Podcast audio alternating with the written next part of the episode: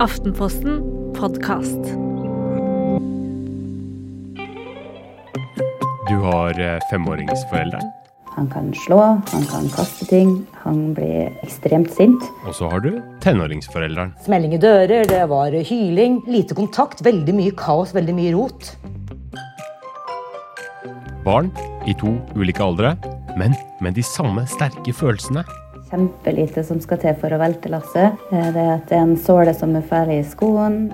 Og foreldrenes egne følelse av maktesløshet.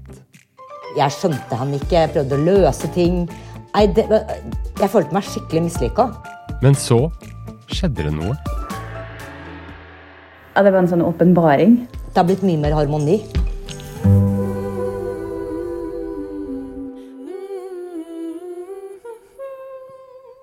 Tantrums, som det heter på engelsk, eller utbrudd, sammenbrudd, barn og unge som eksploderer og klasker i gulvet som våte filler. Hedvig Montgomery, hva er det vi snakker om her? Utbrudd av uh, forskjellig art kommer uh, gjennom hele oppveksten. Uh, og det skjer i situasjoner hvor barnet vil mer enn det det kan få til, eller det som er mulig i situasjonen.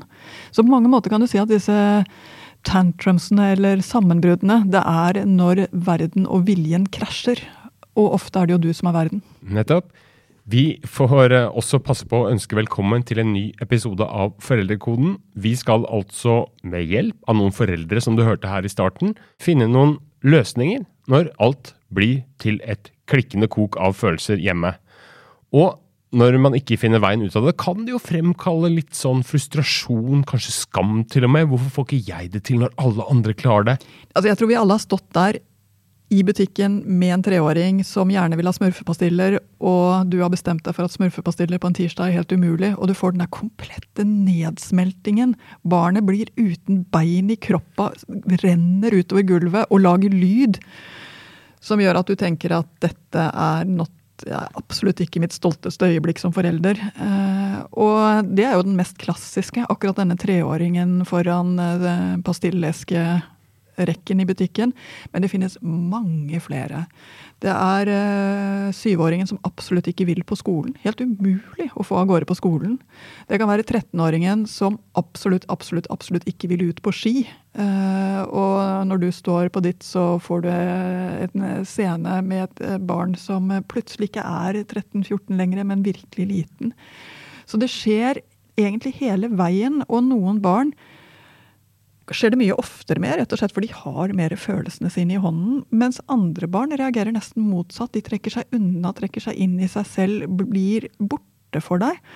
Og den fortvilelsen når du har et barn som ikke reagerer utover, men reagerer innover altså det, det kan jo høres behagelig ut, det er ikke like offentlig eh, skammelig. Men fortvilelsen over å ikke nå frem, og at du skjønner at her er det en som egentlig går helt i stykker inni seg, ganske stor, den også. En slags implosjon, da, istedenfor en eksplosjon. Eh, ja, akkurat. Eh, noen barn reagerer veldig sterkt utover, mens andre barn reagerer veldig sterkt innover. Eh, og det kan virke som en drøm å ha de innoverbarna når man står der med sitt eget utoverbarn. Men faktisk er det motsatt også.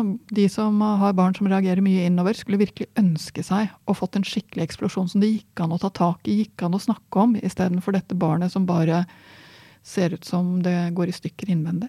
Men skal vi ta litt kronologisk, på en måte? Eh, de minste unga, eh, som man vel hyppigst forbinder med akkurat disse utbruddene. Når er det det starter, og hvor lenge skal vi forvente at det holder på? Ja, ikke sant. Eh, Det er jo faktisk så vanlig at det har fått et navn. Trassalder. Mm. og det begynner sånn cirka et eller annet sted etter to. Eh, og varer stort sett et eller annet sted mellom tre og et halvt og, fire og et halvt. Litt, litt avhengig. Så ja, det varer ganske lenge, egentlig. For noen så varer det bare noen måneder, og for andre så sitter det faktisk i flere år. Så, så her er det store svingninger på hvor mye, men jeg tror ingen slipper unna at barnet endelig får lov til å oppdage at det går an å sette grenser, og går an å være med å bestemme selv. Og at det er en rus som, eh, som gjør at det blir eh, mer utoverreaksjoner enn det det har vært tidligere. Men en annen ting er at barn i denne alderen begynner jo å se ganske ferdige ut. De har begynt å få et ganske godt språk, det går an å snakke med dem om mye. Og det er veldig lett å overvurdere dem. Tenke at nå er de så store at de, at de kan oppføre seg fornuftig.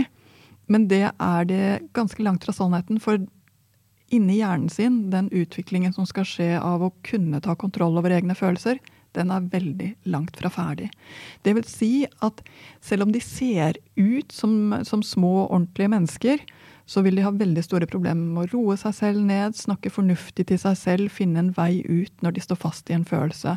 Så på mange måter så er denne aldersgruppen som voksne på sitt verste, bare oftere. Nemlig at du er helt fortvila og vet ikke hva du skal gjøre for noe med det. Det er som å ha kjærlighetssorg og dagen derpå samtidig. Uh, og det, det, gjør jo at, uh, at de forsøkene vi har med å snakke fornuft med dem, fungerer kjempedårlig. Det er omtrent som når noen prøver å snakke fornuft med deg i sånne situasjoner. Jeg tror ikke jeg er i stand til å kunne se hvor grusomt det må være. Men uh, hvordan skal man nærme seg det egentlig da?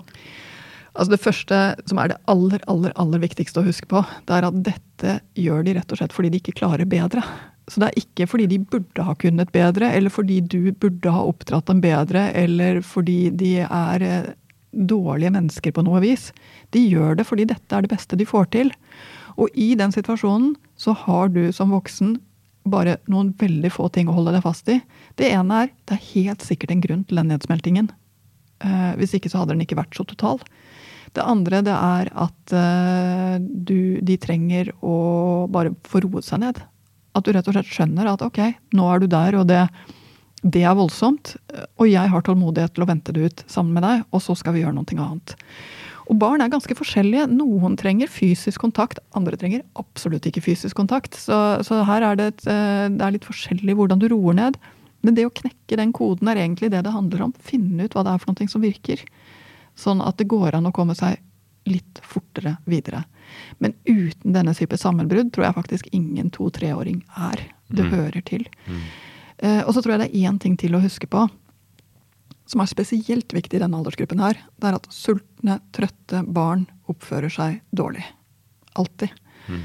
Eh, så det å ta vare på de helt sånn grunnleggende rytmene i dagen med mat til riktig tid, at de får hvilen sin, skjønne at tiden før middag er rett og slett høyeksplosiv tid. Eh, og det er igjen ikke fordi de er dårlig oppdratt, det er bare fordi det er der de er på dagen.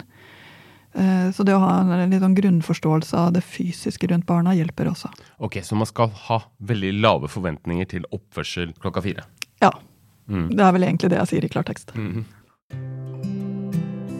Og nå skal du få møte en som har vært langt ute i kurvene med sin femåring. Veldig små ting skulle til før utbruddene kom. Alt ifra at eh, det er tannkremen tatt på feil på tannbørsten, eller at det er såren ligger feil i skoen. Eh, jeg har prøvd å lempe den inn i bilen, eller bare pussa tennene med makt. Eller eh, også prøver du å gå på, på, på tå at du blir ekstremt frustrert og sliten. Du har vært eh, veldig sånn sliten hverdag. Du kommer på jobb og bare åh. og så var det løsningen. For gjennom gode hjelpere fant Monica noen forløsende triks. Og det kan nesten lyde banalt, men i stor grad handla det om å kutte vekk ett ord. Ikke. Så vi har lagt om mye mer til at nå vil jeg at du skal kle på det, eller nå vil jeg at du skal gå rett i bilen ja, det var en sånn åpenbaring når vi begynte å gjøre det. Fordi at han bare Å, nei, men det Så klart kan jeg gjøre det. Så ikke gi den ideen på det jeg ikke vil at den skal gjøre. Og jeg ser at den blomstrer litt på det sjøl òg. Eh, og vi har Ja, det har endra hverdagen vår mye.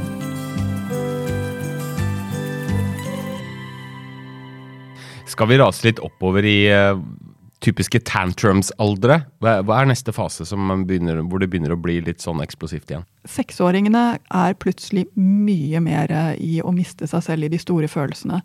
Og rent biologisk så henger nok det sammen med at det nå er nye store følelser som kobles på og forstås i hjernen, helt fysisk. Og dermed så prøver de dem også ut. De elsker og de hater uten at de helt skjønner hva de ordene forstår, øh, betyr for noen ting. De raser og de smeller med dører, og som forelder tenker du er ikke det litt tidlig å oppføre seg som en tenåring? Eh, og du får foreldre, og som forelder også høre hvor ubrukelig du er. Eh, de blir fortvila over at skolen er, eh, ikke er ålreit for dem, og nekter å stå opp om morgenen. De rett og slett, kan bruke ganske mye kraft i denne alderen her. Som henger sammen nettopp med denne utviklingen som skal skje, hvor de får bedre tak på sine egne sterke følelser. Og jeg tror at som forelder da, så er det én ting som gjelder. Og det er å tenke for hver sånn runde får han litt bedre tak i sine egne sterke følelser. Det kommer han til å trenge senere i livet. Ok, Så man skal bare vente det ut, da, eller? Det er i hvert fall ingenting å gå til krig mot. Eh, det er heller noen ting å hjelpe dem videre fra. Og dette er, det høres sånn jeg sier det, jeg syns nesten det høres latterlig ut selv. fordi hva skal du gjøre for noe når det er du som ikke får barnet ditt til å være med på gågruppa, og alle de andre barna står og, og venter utenfor? Det er liksom litt sånn, ja, og så har vi fått beskjed om at vi skal være rolige. Du er ikke rolig, du er stressa og du er sur på barnet. For alle de andre barna står der jo, så de får det jo helt åpenbart til. Men her er det altså, dessverre så er det ingenting annet som hjelper enn å lirke og lure og si, vet du hva. Jeg tror bare gågruppen får gå uten deg i dag, og så kommer vi litt senere. Eller du kommer litt senere, og så må du lirke og lure og få han ut.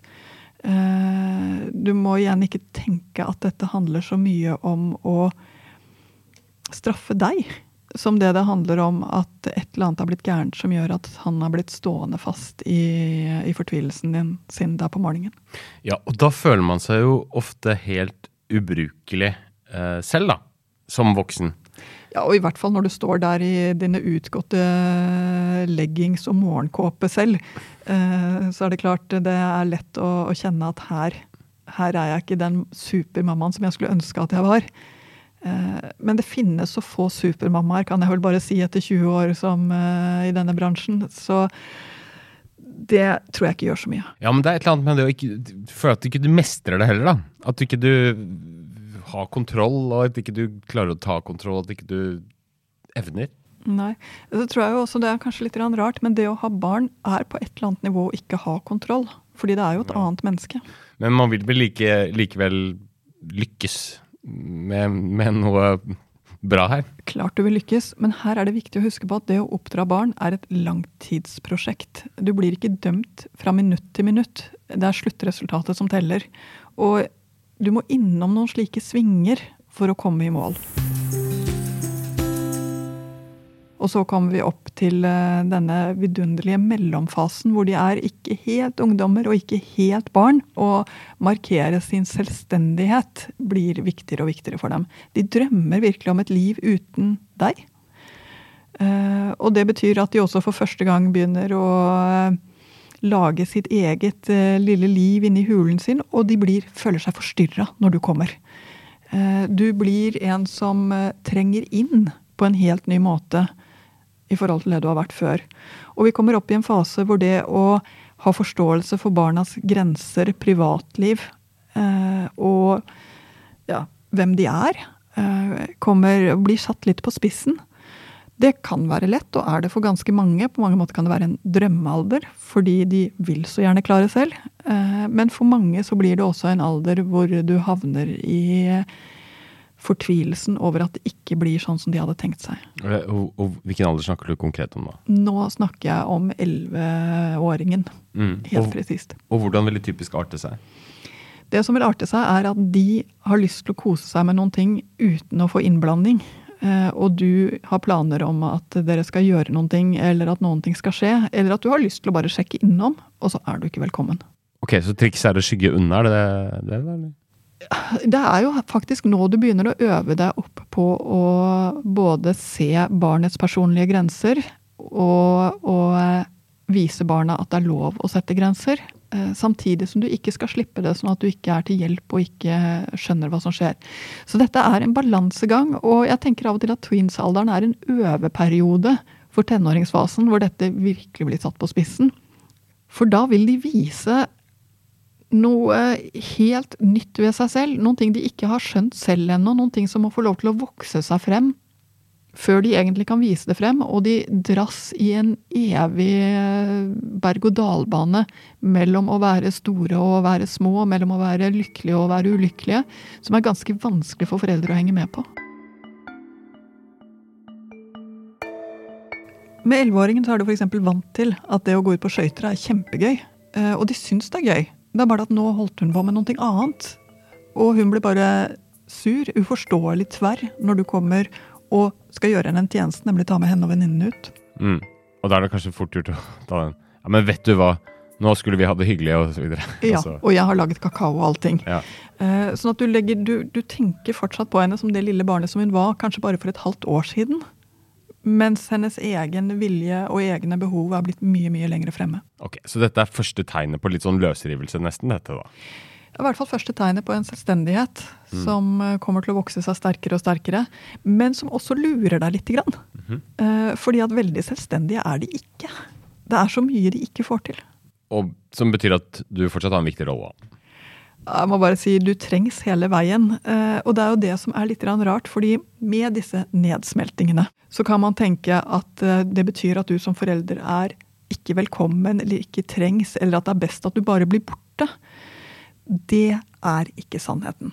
Eh, Og når jeg sier igjen og igjen at det er så mye som handler om å bevare roen, så kan det være at du tenker at det er like greit at du går en tur ut. Og noen ganger så er det lurt at du går en liten tur ut, men bare en liten. For barna trenger faktisk hele veien, og nå mener jeg hele veien, også opp gjennom videregående skoleperioden, så trenger de at det finnes noen å spørre, noen som sier 'du, jeg skjønner, ser hvordan du har det', noen som tuller med dem, noen som får dem tilbake igjen i hakk med, med livet. Så du trengs fortsatt hele veien.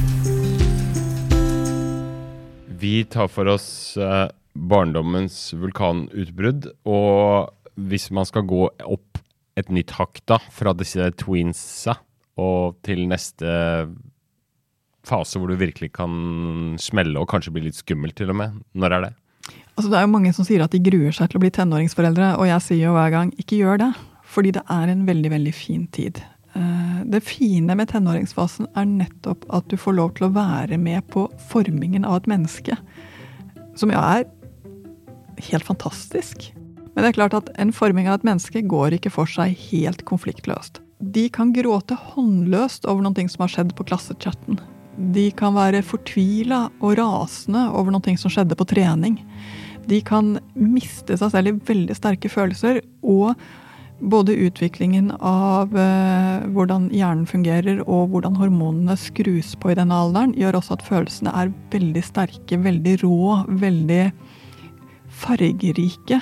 Ikke bare for deg, men også for dem selv i denne fasen her. Så når det en bagatell i dine øyne eh, medfører et kollaps, sammenbrudd, hvordan skal man egentlig best møte det? Jeg må si at det er så ofte det viktigste du kan tenke, det er ok, nå skjedde det der. Nå var det sånn det ble. Skjønner, vi må begynne, gå ned og begynne der. Det vil si at din plan om å gå på skitur med ungdommen, eller om å gjøre lekser, eller om å servere middag, krever at du gjør noe annet først, og at det kanskje ikke engang blir sånn som du hadde tenkt.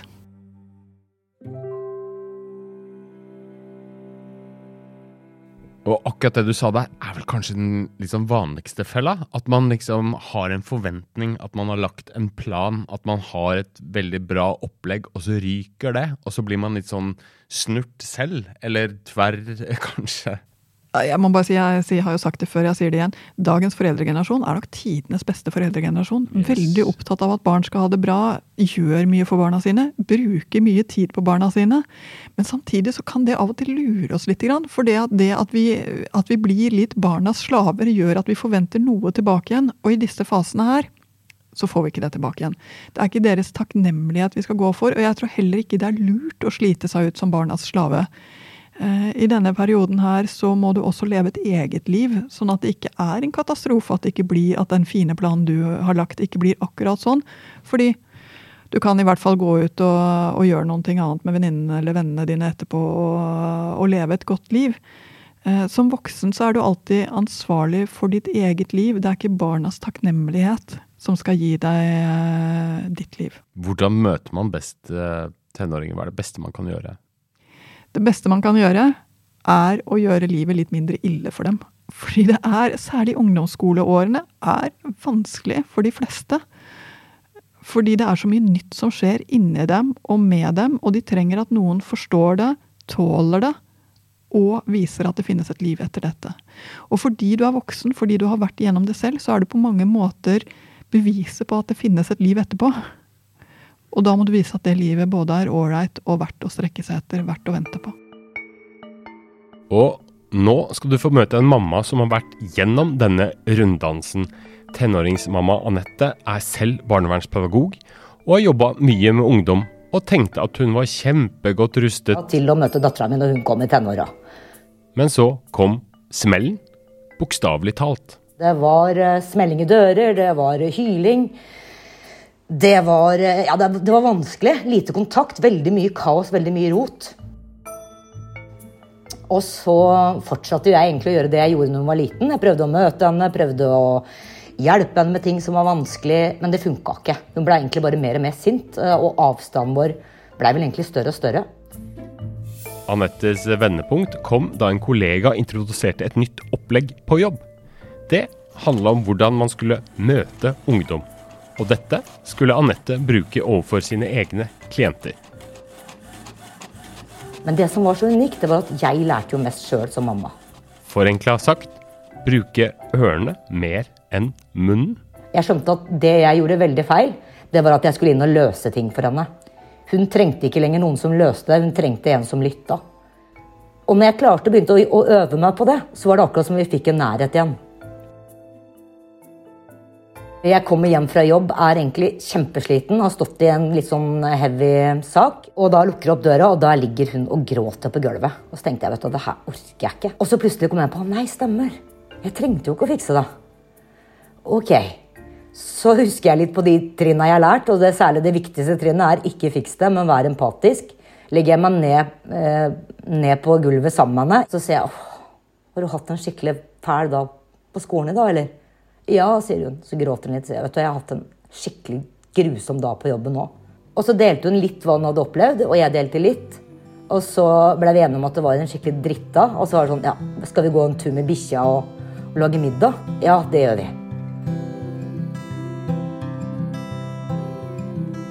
Oh, det har gjort uh, veldig mye med hverdagene våre. Det har gjort at uh, det har blitt mye mer harmoni. Det er ikke krangling og kjefting så høyt lenger.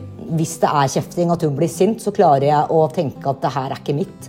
Ikke ta det personlig. Nå er det hun som har hatt en dårlig dag.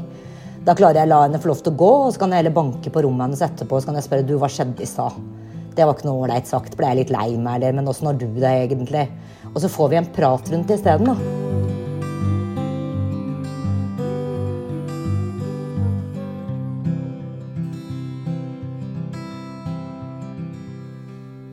Men noen sliter jo mer enn andre, vil jeg tro. Det er vel sikkert forskjeller i temperament, i følelsesregister, de tinga der. Og de som er ordentlig hardt ramma, hvor, hvor hardt ramma er de? I noen familier så er det virkelig barn som styrer familien som små diktatorer med sterke følelser, store utbrudd og en fortvilelse som er til å ta og føle på for alle som bor under samme tak. Og når eh, man som foreldre i disse familiene prøver å, å søke råd, høre på oss, så finner de ingenting som virkelig er nede på den fortvilelsesdybden som det de opplever. Så ja, noen familier er mye, mye, mye hardere rammet enn andre familier. Og de treffer jeg jo, rett som det er. Eh, og det første jeg gjør, det er å begynne å lete. Hva er det dette handler om? Fordi det er mange ting som kan føre til at dette går ut av kontroll og ikke er innenfor den ganske store normalen som vi har snakket om frem til nå, men som virkelig gjør at det er en familie som holder på å gå i stykker. Og hva det kan være for noe. Selvfølgelig så er barn veldig forskjellige, og det å knekke koden for sitt barn Hvordan skal jeg møte mitt barn sånn at dette går mest mulig smooth eller greit? Eh, det kan det handle om. Det er rett og slett at du som voksen ikke har knukket koden for hvem barnet ditt er. Noen ganger er det det.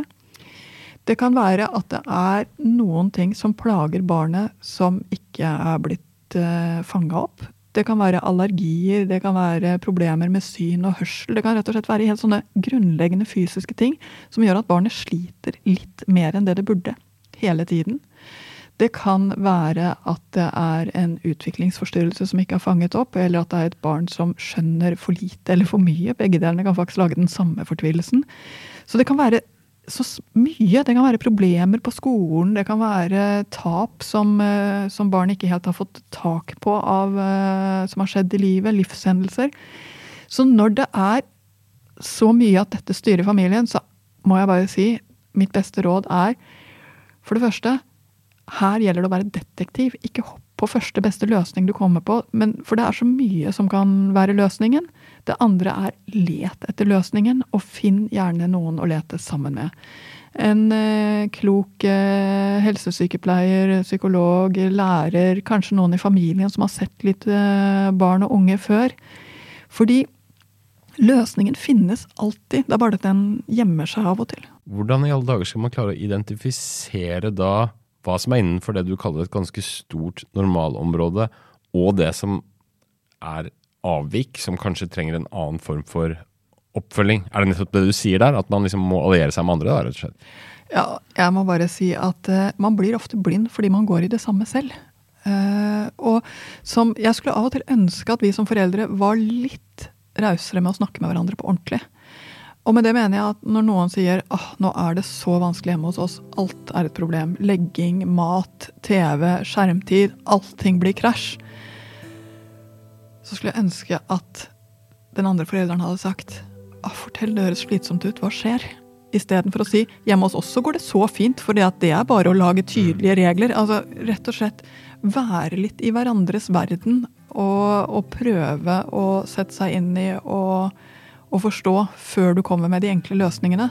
Det tror jeg hadde gjort det litt lettere å være forelder og litt mindre ensomt. Og jeg tror også det hadde gjort det litt lettere å søke råd hos andre igjen. Mm.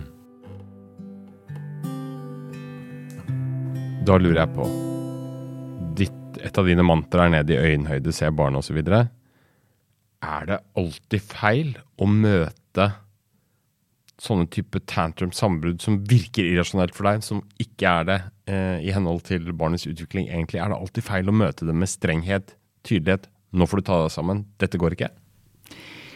Alltid feil og alltid feil. Det er bare at det aldri kommer til å virke. Ikke? Nei. Eh, fordi det er ikke det barnet trenger akkurat da. Barnas sammenbrudd er et uttrykk for at nå står jeg fast og får det ikke til. Og de får det ikke noe bedre til av at du blir sint de får det bedre til av at du skjønner at her er det noe som har gått helt gærent, og at her har vi en jobb å gjøre sammen. Men den gode nyheten er at hver gang barnet da kommer seg videre, hver gang du setter deg ned på huk og sier ok, nå ble allting helt gærent her, men du, jeg tror vi begynner med den andre støvelen først istedenfor, eller hva det nå kan være for noen ting. For hver gang det virker, og det kommer ikke til å virke hver gang, men for hver gang det virker, så lærer barnet seg noe fint om livet, om seg selv og om deg. Så gevinsten er stor når du klarer øvelsen, komme deg ned i øyenhøyde, skjønne at det er noen ting, vise hva som skal til, og hjelpe videre. For å ta det motsatte perspektivet, hva er det verste man kan gjøre med barnas utbrudd? Jeg tror det verste man kan gjøre med barnas utbrudd, er å si 'jeg orker ikke når du er sånn'. Nå er du helt umulig. Jeg orker ikke å være i samme rom når du oppfører deg sånn. Eh, jeg tror de fleste av oss har vært der en eller annen gang. Men det du forteller barnet om seg selv med de ordene der, er 'jeg tåler deg ikke, du er voldsom, du ødelegger livet mitt'.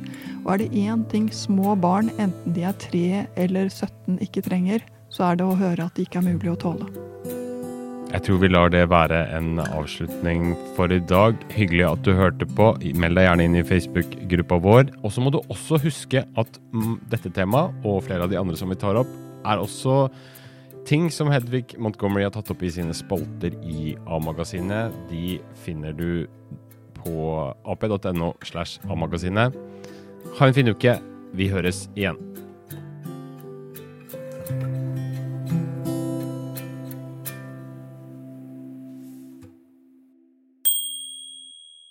Hei, dette er Sven Nordin. Vil du høre en rykende fersk påskekrim av Jo Nesbø, der jeg spiller hovedrollen? Første episode er ute nå. Og er du Aftenposten-abonnent, får du en ny episode hver torsdag frem mot påske. Bare gå til Aftenposten-appen eller til ap.no sjalusimannen for å høre hele historien.